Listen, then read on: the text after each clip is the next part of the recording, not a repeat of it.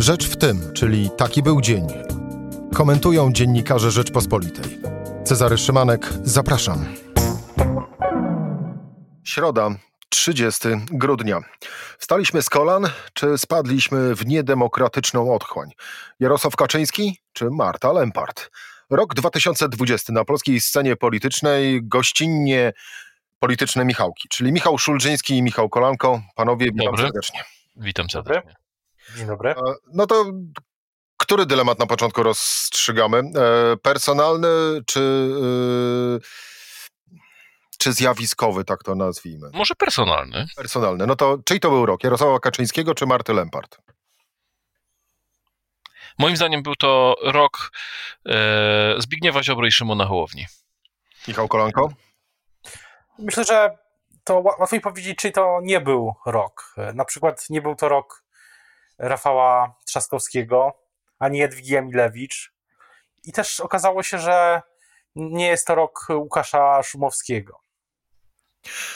To w takim razie y, poproszę teraz o y, jasną deklarację i uzasadnienie. Rok 2020 w polskiej polityce. Do kogo należał? Mówimy o personaliach. Michał Szulżyński, bardzo proszę. E, Spośród obozu władzy, moim zdaniem, największym zwycięzcą jest paradoksalnie e, Zbigniew Ziobro. E, Wydawało się na koniec roku, że on przegrał tą rozgrywkę o przyszłość Unii Europejskiej, czyli weto albo śmierć, ale mam wrażenie, że przegrał bitwę, ale nie przegrał wojny. A w tej wojnie najważniejsze jest to, że Jarosław Kaczyński doskonale wie, że trwałość Zjednoczonej Prawicy zależy od Zbigniewa Ziobry. To decyzja Zbigniewa Ziobry e, będzie sprawiała, czy w przyszłym roku e, 2021 będziemy mieli przyspieszone wybory, czy też w 2021 roku koalicja będzie e, funkcjonowała zgodnie. E, To od Zbigniewa Ziobry zależy tak naprawdę trwanie jedności tego, e, tego obozu politycznego i dlatego mimo, że E, mimo że wydawać by się mogło, że on przegrał e, tę batalię europejską, moim zdaniem jest zwycięzcą 2020 roku. E, Po stronie, po stronie polityku, No właśnie. polityków obozu władzy. Obóz władzy, a opozycja, Michał? Po stronie opozycji, moim zdaniem, jednak to jest rok Szymona Hołowni. E, dlatego, że mm, on zbudował ruch, który na trwałe wszedł do sondaży. Nie wiemy jeszcze na ile, e, tutaj e, pytałeś, czy Marta Lempart wygrywa. Bez, bez wątpienia jest to, jest to osoba, która się publicznie bardzo mocno zbudowała, ale ja ją w swojej hierarchii ustawiłem tuż obok Igi Świątek. To znaczy, to są dwie kobiety, które osiągnęły niezwykłe rzeczy w tym roku. Iga Świątek, e, no, fantastyczny sukces w Paryżu i weszła do pierwszej ligi polskiego sportu, em, a z kolei, a z kolei Marta Lempart do pierwszej, do pierwszego frontu polskiego sporu społecznego, bo jeszcze nie politycznego, bo ja nie do końca jestem przekonany, czy ogólnopolski strajk kobiet będzie ruchem politycznym. Ale wróćmy do Hołowni. Hołownia wystartował w wyborach prezydenckich, dostał niezły wynik. Jego zarejestrował, znaczy złożył wniosek o rejestrację partii politycznej i wydaje mi się, że każdy sondaż w tej chwili uwzględnia Szymona Hołownię. Szymon Hołownia jest w czołówce najbardziej po Polaków, y, Polaków, którym, czy polityków, którym Polacy ufają najbardziej. E, To wszystko pokazuje, że na pewno 2021 rok będzie do niego należał E, i w tym sensie, jako, jako, jako w tym podsumowaniu tego roku, uważam, że spośród strony opozycyjnej to on jest zwycięzcą. Michał Kolanko. Kto wygrał twoim zdaniem rok 2020? Ja rzucę jeszcze jedno, rzucę dwa nazwiska, które są może mniej.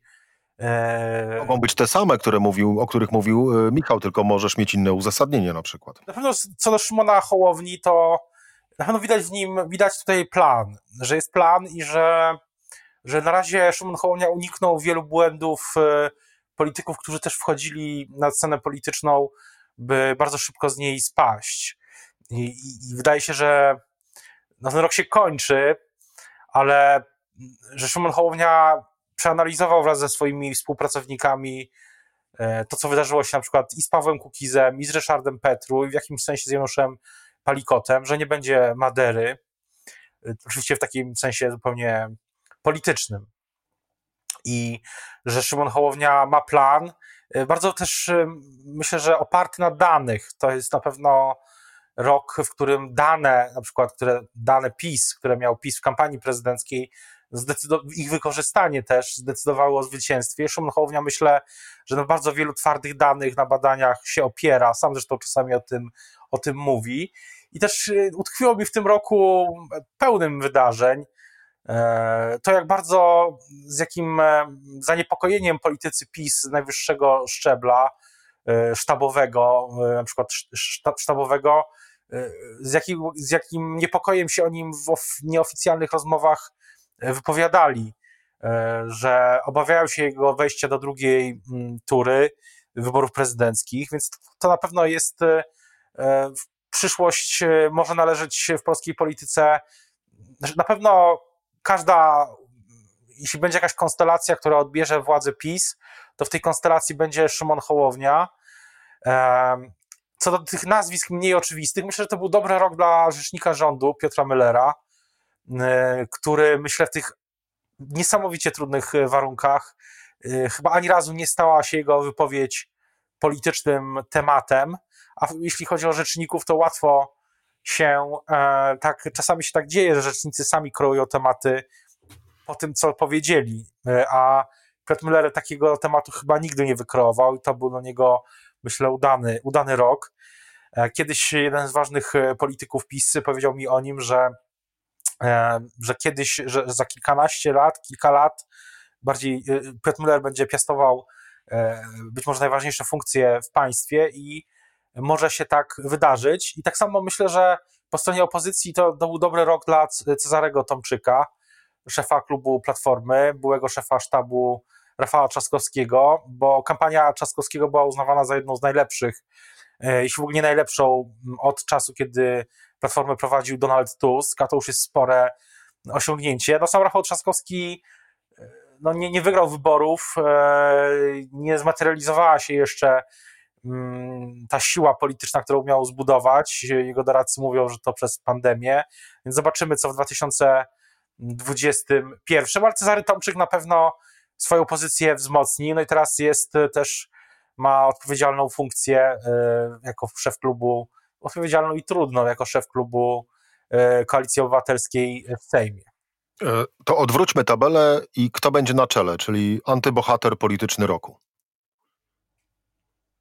No myślę, że myślę, że to, co, o czym już wspomniałem, że Jadwiga Milewicz na pewno nie może zaliczyć tego roku do udanych, bo e, zaczynała go jako mm, osoba właśnie, której politycznej przyszłości się mówiło w samych e, superlatywach, a kończy ten rok gdzieś e, poza, poza wszystkim, mm, poza główną rozgrywką. Michał Szulżyński? No, moja e, antylista mm, składa się z trzech nazwisk. Moim zdaniem największym przegranym jest Andrzej Duda, potem mamy Borysa Budkę i Małgorzatę Kidawę-Błońską. Po jednym zdaniu uzasadnienia. E, Andrzej Duda Wydawałoby się, że wygrał wszystko, bo został prezydentem na drugą karierę, ale na, na drugą kadencję, ale moim zdaniem to jest zły rok dla jego kariery politycznej. Po pierwsze, został prezydentem po bardzo trudnej kampanii wyborczej. Obóz władzy zainwestował wszystko, co miał w to, żeby Duda został prezydentem. A nawet również tego, czego nie miał. A nawet to, czego nie miał. Nie powinien mieć. E, I, i, I to nie dlatego, że Duda kochał, e, tylko dlatego, że bał się Rafała Trzaskowskiego. I mam wrażenie, że od tego pół roku, e, kiedy on został prezydentem, właściwie zniknął. Właściwie kompletnie marnuje swoją szansę polityczną. W związku z tym, mimo tego sukcesu, uważam go za, za polityka przegranego. Małgorzata Kidawa-Błońska, ano dlatego, że miała szansę być twarzą opozycji w wyborach prezydenckich, ale kompletnie nie, nie odnalazła się w rzeczywistości covidowej. I Dalej pozostaje bardzo sympatyczną panią wicemarszałek, ale szansę na ogól, taką pierwszoplanową karierę polityczną moim zdaniem straciła. Dlaczego Borys Budka? Przypomnę, w, w styczniu tego roku, niecałe 12 miesięcy temu, Borys Budka został szefem Platformy. Ogromne nadzieje, ogromne szanse, um, ogromne wyzwania teraz po tych 11 miesiącach widać, że właściwie nie wiadomo, kto jest liderem e, Platformy Obywatelskiej. Borys Budka formalnie jest przewodniczącym, ale czy dobrze czuje się w tej roli? Czy rzeczywiście wszyscy uważają, że to on jest liderem tego obozu? Mam wątpliwości. A powiedzmy sobie wprost, Platforma Obywatelska dzisiaj, wiele się zmieniło w polityce, ale wciąż to Platforma Obywatelska dzisiaj jest najważniejszą partią opozycyjną i to ona będzie decydować o tym, czy PiS przegra wybory, czy, czy inaczej, to zachowanie Platformy Obywatelskiej zdecyduje o tym, czy PiS przegra wybory, czy też będzie rządzić kolejną kadencję.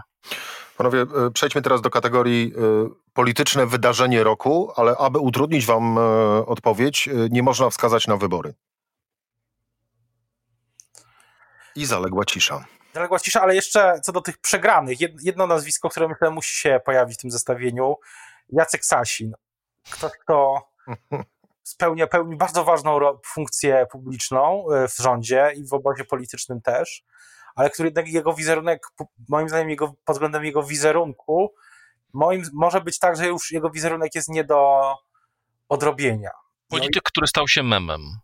Jest... Ale z drugiej strony, panowie, y, to jest to jedyny polityk, którego e, nazwisko i słowa tworzone wokół jego, e, na podstawie jego nazwiska trafiły do polskiej mowy i języka e, naszego codziennego. Rzadko któremu politykowi udaje się taka sztuka. No jest Gierkowszczyzna od Edwarda Gierka. Nie wiem, czy każdy chciałby mieć taki, taki, takie miejsce w historii jak Edward Gierek. Z drugiej strony na przykład w rządzie myślę, że obronną ręką z tego po tym roku wychodzi na przykład Mariusz Błaszczak bo o ile mm, Jacek Sasin stał się memem, jego wizerunek stał się memem, przepraszam, to ja Błaszczak, Mariusz Błaszczak, minister obrony narodowej jest y, no, cały czas bardzo, bardzo blisko prezesa i też y, myślę wojsko, WOT zwłaszcza w tym roku jest dobrze ocenianą mm, formacją. Sprawdziło się częściowo tutaj Marek Kozubal by na pewno nam dużo więcej powiedział, ale wydaje się, że w percepcji publicznej my jako laicy mm, jest wrażenie, że, że WOD się przydaje, przydał się w tych trudnych czasach. Ale ja chcę odpowiedzieć na Wracamy do wydarzeń, tak. Właśnie. Moim zdaniem były dwa najważniejsze wydarzenia. Pierwszym był e, COVID, mimo że to nie jest wprost polityczne wydarzenie, ale to ono moim zdaniem ma ten potencjał, który przeformułuje scenę polityczną, a stricte polityczne wydarzenie najważniejsze to moim zdaniem to, co wydarzyło się 22 mm, października, czyli decyzja Trybunału Sprawiedliwości w sprawie aborcji, ponieważ ona wykreowała zupełnie inną dynamikę po stronie opozycji, e, całkowicie podzieliła obóz władzy. Zwrócę uwagę na to, co mówił Jarosław Kaczyński w wywiadzie dla Rzeczpospolitej kilka dni temu. Nie ma w PiSie w tej chwili ani większości, żeby ustawę zaostrzyć aborcyjną, ani żeby ją zliberalizować. Jest absolutny pad w tym momencie w parlamencie. A ci, którzy organizowali ogólnopolski strajk kobiet, tak naprawdę pokazali niezwykłe możliwości mobilizacyjne polskiego społeczeństwa. To znaczy, tam, gdzie była mowa o sprawach abstrakcyjnych, takich jak praworządność, sądownictwo i tak dalej, i tak w ogóle to szerokich mas nie mieszało. Natomiast kilka miesięcy po tym, jak Andrzej Duda wygrał wybory prezydenckie, z, ogromną, z ogromnym impetem pojawiły się antyrządowe e, ruchy, e, które, no moim zdaniem, będą miały jeszcze przez długi czas wpływ na to, jak wygląda polska polityka. Michał Kolanko, wydarzenie roku z wyjątkiem wyborów? Wydarzenie roku. No myślę, że jednak. E, znaczy szukałem jakiegoś pomysłu na takie, na coś takiego bardziej kontr- przeciwintuicyjnego, e, na, jako wydarzenie, wydarzenie roku. No, można powiedzieć, że na pewno poza, poza epidemią, e, która też e, codziennie przynosi, codziennie mamy tragiczne informacje e, o zmarłych e, w Polsce, kolejnych zachorowaniach, no to przyspieszyła bardzo politykę i w ogóle cały świat społeczno-polityczny, gospodarczy. Tak jak Jacek Dukaj e, chyba w najlepszym e, takim ujęciu epidemii już po tej pierwszej fali powiedział, że 10 lat zdarzyło się w rok. Ja też mam takie wrażenie w ogóle, że wybory prezydenckie w ogóle były jakimś parę lat temu, ale nie, były w lipcu. E, I też w tym roku były pierwszej w historii też chyba nie wybory prezydenckie, które właśnie próbował zorganizować e, obóz władzy. E, więc e, myślę, że myślę, że na pewno ważnym wydarzeniem dla świata było poza COVID, poza w Polsce, poza też decyzją Trybunału, była jednak kwestia w Stanach Zjednoczonych, czyli wybory w Stanach Zjednoczonych i zwycięstwo Joe Bidena na wielu polach też pewne mity, czy pewne tezy zostały obalone, jeśli chodzi o mobilizację, internet i tak dalej, i tak dalej, to to będzie miało też wpływ na, na polską politykę. To skoro o tym wspomniałeś, to można by było uznać, przechodząc płynnie do drugiej e, podkategorii w tej kategorii, czyli do antywydarzenia, że takowym antywydarzeniem e, roku były nie gratulacje prezydenta Andrzeja e, Dudy dla Joe Bidena i Kamali Harris. No ja rozmawiałem o tym z, z, rozmawiałem o tym z Radosławem Sikorskim w podcaście Game Changer i on, on były szef MSZ, były marszałek, powiedział coś takiego, że że ta depesza trafi do odpowiedniego folderu. I Amerykanie sobie o tej depeszy przypomną, jak prezydent Duda będzie starał się o spotkanie z prezydentem Bidenem, bo też ta depesza, którą odesłał prezydent elekt, no była taka lakoniczna, to mało powiedziane. Takie ja miałem przynajmniej wrażenie. Michał Szulżyński, antywydarzenie? Antywydarzeniem roku moim zdaniem jest wszystko to, co dzieje się wokół szczepionki, to znaczy Dzisiaj zbieramy, ja pisałem o tym we wczorajszej, we wtorkowej Rzeczpospolitej, y, że zbieramy dzisiaj e, bardzo niebezpieczne e, żniwo szerokiej akcji dezinformacyjnej w, mediach społecznościowych, podważania przez rządzących autorytetu. Pamiętamy sprzed lat ataki na łże elity, na niepolskie media, na media polskojęzyczne i tak dalej. Ten poniedziałkowy sondaż Rzeczpospolitej, który pokazał, że 65% chce się szczepić tych Polaków, którzy, słucha, którzy czytają e, gazety, tygodniki, oglądają serwisy informacyjne, a, a, ty, a spośród tych, którzy słuchają mediów społecznościowych, to jest tylko nieco ponad 40%. Ta cała, e, ta cała mm, atmosfera wokół e, szczepienia, czy wokół ruchów antyszczepionkowych, która, no powiedzmy sobie szczerze, przez jakiś czas wydawała się żartem. Tak, wydawała się e, takim, no czym jakimś dziwem e, na naszej scenie publicznej, nagle okazuje się, że może mieć wpływ na życie dziesiątek tysięcy e, ludzi, bo nie mam wątpliwości, że w 2021 roku to właśnie powodzenie akcji szczepionkowej będzie tym, co zdeterminuje e, cały ten rok. Czy to będzie rok, gdy znów będziemy e, przeżywali kolejne fale i kolejne lockdowny, czy też w którym w pewnym momencie, gdy zaszczepiona zostanie większość e, albo duża część populacji, będziemy mogli znieść restrykcje i uznać, że COVID się skończył. No to płynnie przechodząc dalej, pojawia się cytat nie, bo nie, czyli prezydent, a właściwie wtedy kandydat na prezydenta, bo to było w trakcie kampanii przed y, wyborami prezydenckimi. Prezydent, kandydat na prezydenta Andrzej Duda tak mówił o tym, dlaczego się nie szczepił przeciwko, przeciwko grypie. Czy też może premier Mateusz Morawiecki, mówiący w lipcu: Nie bójcie się tej pandemii, bo koronawirus już sobie poszedł. Który polityk, za które słowa powinien Waszym zdaniem się w tym roku najbardziej wstydzić? No, muszę przyznać coś chyba, Michale, nie, nie, nie, nie zdradzimy zbytniej tajemnicy, jeżeli przyznamy mm, Cezaremu, naszemu gospodarzowi, ale także naszym słuchaczom, że przed audycją zastanawialiśmy się i ja wytypowałem jako wypowiedź roku wypowiedź nie, bo nie Andrzeja Dudy, a ty wytypowałeś wypowiedź Mateusza Morawieckiego mówiącą o tym, że e, mówiącą o tym, że epidemia już jest za nami. W związku no to jeszcze muszę, muszę zdradzić jeszcze, że ja o tym nie wiedziałem i proszę bardzo, to oznacza, że myślimy podobnie. To nie, to nie, była, żadna, to nie była żadna ustawka. Moim zdaniem właśnie te słowa prezydenta są tutaj kluczowe, ze względu na to, co powiedziałem. To będzie rok dotyczący szczepień i te no, nieodpowiedzialne słowa prezydenta, to nie, nie, nie obwijajmy tego w bawełnę. To... Delikatnie też to ujmujesz to były nieodpowiedzialne słowa. E, co prawda, w, można twierdzić, że w lipcu jeszcze nikt się nie spodziewał, kiedy będzie szczepionka, ale granie tymi wszystkimi e, antyszczepionkowymi resentymentami jest bardzo niebezpieczne. Oczywiście ja mam wrażenie, że Andrzej to powiedział to, bo nie pomyślał jakoś szczególnie wcześniej, ale no, dane tu są nieobłagane według mm, amerykańskiej organizacji zdrowia ponad 90% treści w amerykańskim internecie przeciwko szczepionkom jest rozsiewanych przez Rosjan. Michał Kolanko, uzasadnienie dla wyboru słów e, premiera Mateusza Morawieckiego. Myślę, że każdy polityk e, e, musi liczyć się z tym, że w jednej sekundzie jego kariera polityczna może ulec zmianie, kiedy właśnie powie coś, z czego będzie musiał się później całe już swoje polityczne życie tłumaczyć. Tak, tak było ze, ze słowami Włodzimierza, wtedy premiera Włodzimierza Cimoszewicza o, w czasie powodzi, o ubezpieczeniach. I niestety dla premiera Morawieckiego, który myślę w tym tandemie Kaczyński-Morawiecki no, ma bardzo ważną rolę do spełnienia, bo musi zarówno sprawy unijne, gospodarcze, szczepionkę, walkę z pandemią, mówiąc tak językiem korporacyjnym, do, dowozić. E, z tego jest e, rozliczany.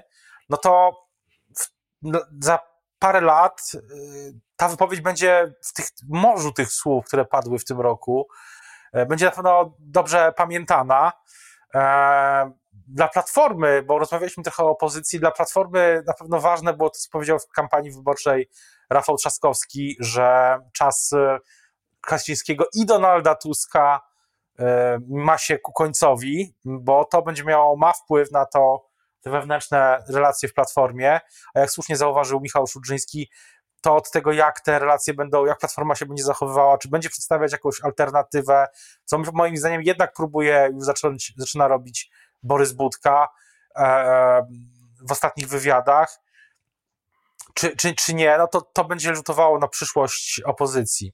Tylko mówiąc, mówiąc ironicznie, zobacz, e, Rafał Trzaskowski powiedział, że to już koniec czasu Donalda Tuska i Jarosława Kaczyńskiego.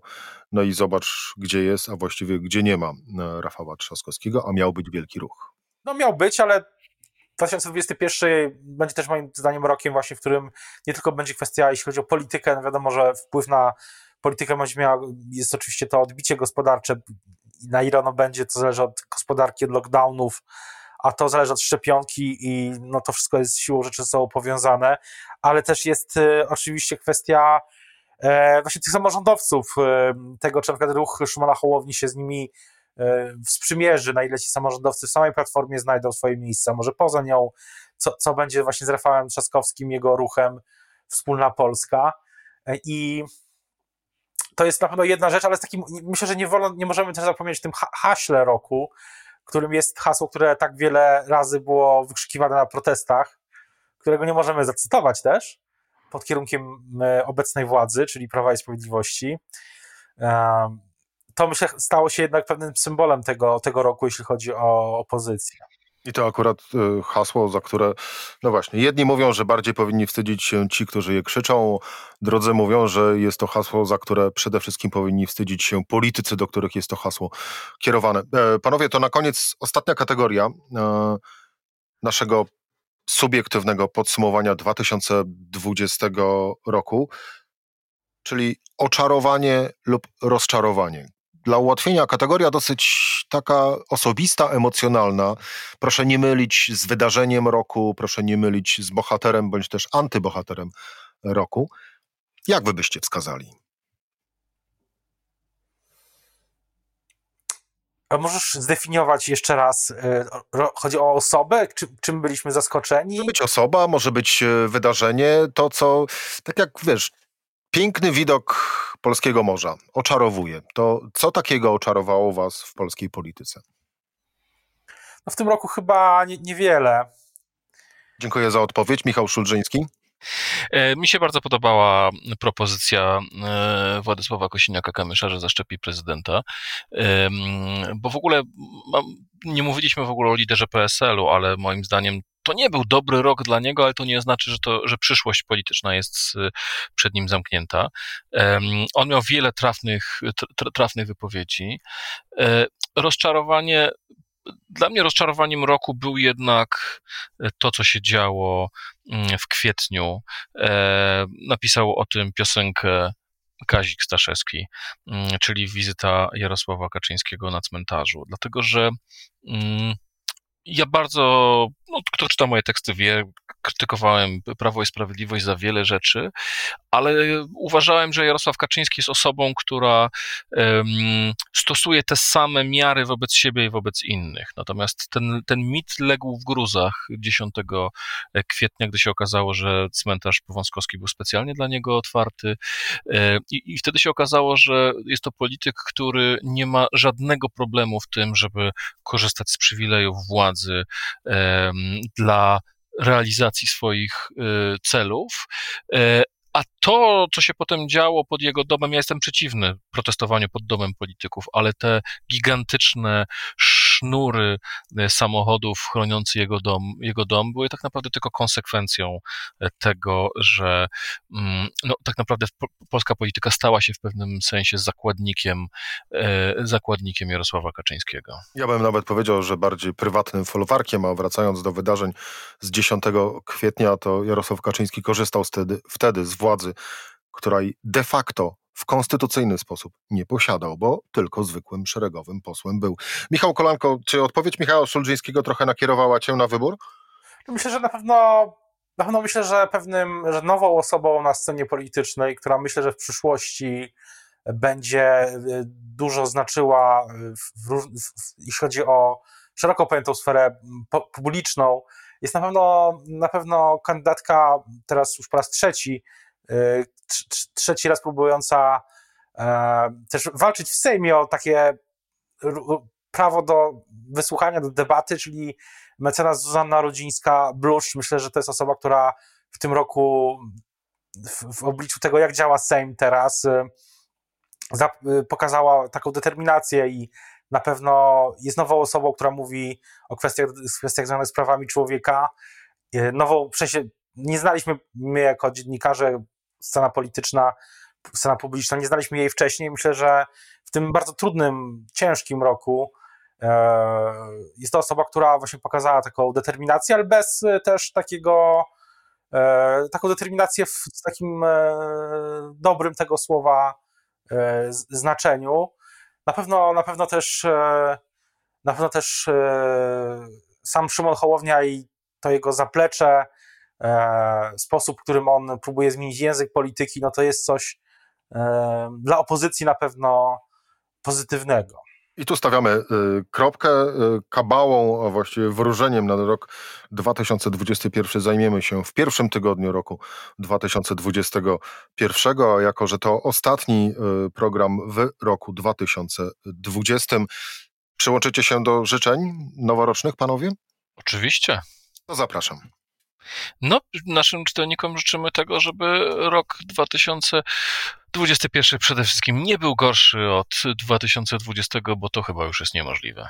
No ja, ja myślę, że poszedłbym inaczej, poszedłbym nawet dalej, że życzyłbym naszym słuchaczom, naszym czytelnikom, niezależnie od tych, tych wszystkich dobrych rzeczy, które w ich życiach zawodowych, osobistych wydarzyły się w tym roku, bo na pewno też e, każdy może znaleźć takie przez ostatnie 12 miesięcy, to tak życzyłbym, żeby ten rok się już nigdy e, nie powtórzył. Michał Szulżyński, Michał Kolanko, Dziękuję bardzo. Szymanek. Ja Państwu życzę po prostu wszystkiego dobrego. Wszystkiego wszystkim. E, do usłyszenia w 2021 roku. Cezary Szymanek.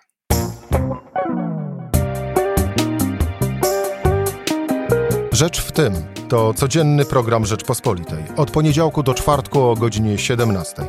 Wejdź na stronę podcasty.rp.pl, włącz subskrypcję kanału Rzecz w tym w serwisach streamingowych. Cezary Szymanek, zapraszam.